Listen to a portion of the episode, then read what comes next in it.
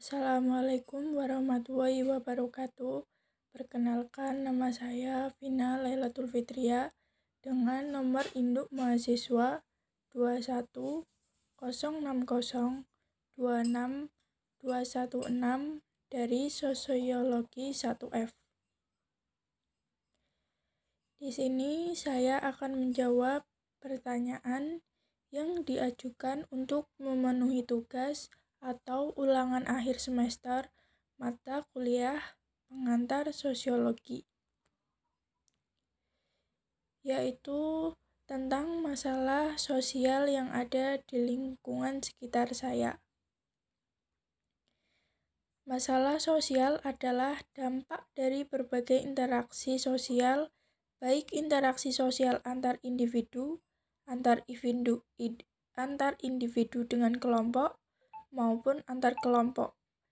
Dalam keadaan normal, interaksi sosial dapat menghasilkan integrasi. Di sisi lain, integrasi sosial juga dapat menghasilkan konflik dengan pihak lainnya. Selanjutnya, saya di sini akan membahas tentang permasalahan yang terjadi di sebelah rumah saya yaitu mengenai konflik pembakaran sampah. Langsung saja, pertanyaan yang pertama yaitu: mengapa persoalan ini penting?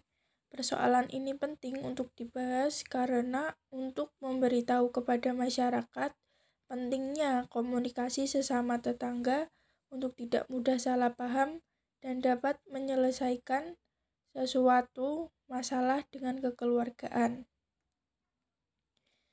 Lanjut, pertanyaan kedua yaitu konsep atau teori sosiologi apa yang Anda gunakan untuk menganalisis persoalan, persoalan tersebut? Jelaskan.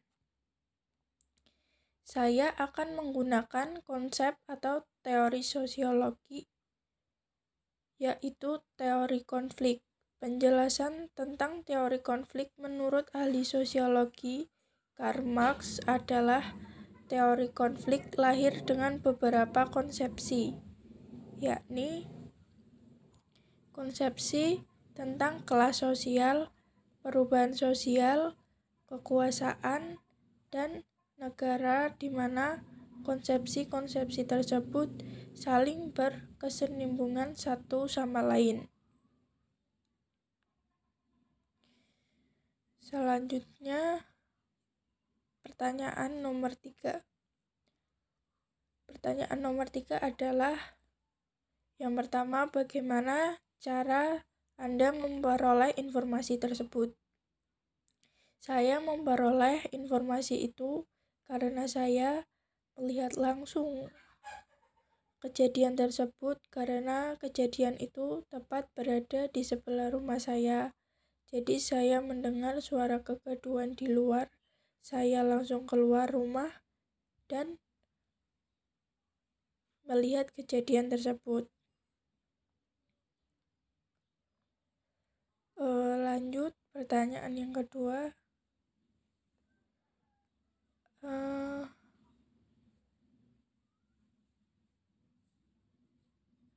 apa jenis orientasi yang Anda gunakan? Jelaskan. Saya akan menjawab pertanyaannya. Saya di sini menggunakan jenis orientasi penelitian yaitu orientasi penelitian positivisme sosiologi. Positivisme sosiologi sendiri adalah ini menurut ahli sosiologi yaitu Auguste Comte positivisme yang paling terkenal. Positivisme dipercaya bahwa masyarakat merupakan bagian dari alam di mana metode-metode penelitian empiris dapat dipergunakan untuk menemukan hukum-hukum sosial kemasyarakatan. Aliran ini tentunya mendapat pengaruh dari kaum empiris dan mereka sangat optimis dengan kemajuan dari revolusi dengan kemajuan dari revolusi ke masa depan. Selanjutnya, pertanyaan yang keempat adalah analisis kasus. Yang pertama, jelaskan permasalahan yang Anda amati. Masalah yang saya amati ini adalah masalah konflik antara tetangga sebelah rumah saya dan belakang rumah saya mengalami kesalahpahaman mengenai pembakaran sampah dan pembuangan sampah dari tetangga saya dari tetangga sebelah rumah saya dengan belakang rumahnya. Awal mulanya adalah sebelah rumah saya ini membakar sampah yang ada di rumahnya, tepat di belakang rumahnya di sore hari. Saya masih tinggal di desa, oleh karena itu sudah biasa orang-orang memilih membakar sampah dibanding membuangnya ke kali. Karena di desaku belum ada mobil atau truk yang mengangkut sampah warga. Lanjut ke analisis kasus. Asap dari pembakaran sampah tersebut lewat di belakang rumah tetangga saya, di mana dia juga masih tetangga saya karena rumah kami masih berdekatan.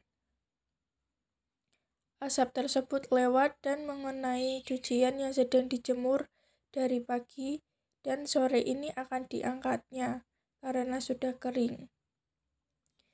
Mengetahui cuciannya menjadi bau asap, tetangga saya ini pun mendatangi sebelah rumah saya dan melemparkan sapu yang dibawanya ke, ke tubuh tetangga saya dan memarahi sebelah rumah saya. Katanya, kalau mau bakar sampah, bilang dulu. Tahu tetangganya lagi jemur pakaian kok gak bilang. Atau juga biasanya kalau mau bakar sampah bilang, kenapa ini gak bilang? Ucap tetangga saya. Tetangga saya pun menjawab, orang tadi rumah saya ketuga ada orang. Saya juga mau bilang tapi rumahmu kosong. Dan kesalahpahaman pun terjadi sampai RT di rumah saya pun datang dan meminta masalah ini diselesaikan secara baik-baik dan kekeluargaan. Lanjut pertanyaan kedua, jelaskan analisis Anda terhadap kasus tersebut menggunakan teori sosiologi.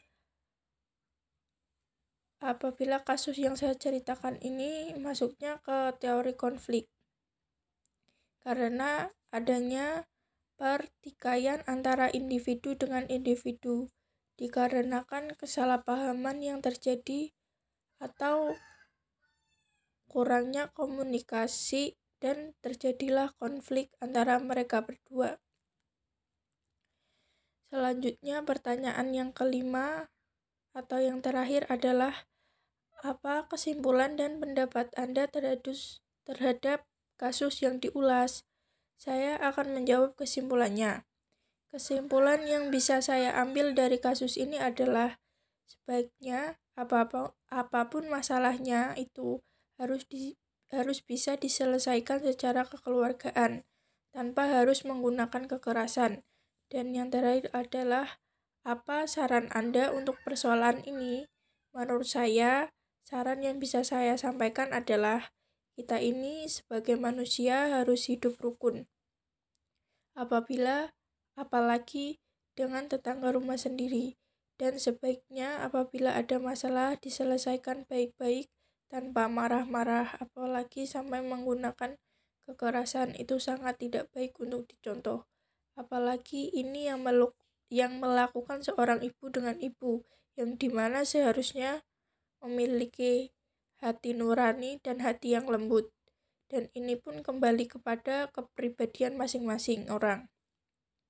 Cukup sekian penjelasan analisis kasus yang bisa saya sampaikan Mohon maaf apabila masih banyak kekurangan dalam penyampaiannya. Terima kasih. Wassalamualaikum warahmatullahi wabarakatuh.